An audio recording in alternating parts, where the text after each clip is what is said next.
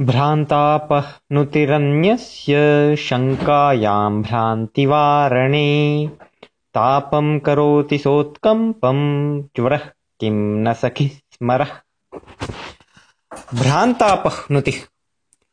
अन्यस्य शङ्कायां भ्रान्तिवारणे भवति इति लक्षणमुक्त्वा उदाहरणं वक्ति तापं करोति सोत्कम्पम् इति अपरः पृच्छति अपरा वा पृच्छति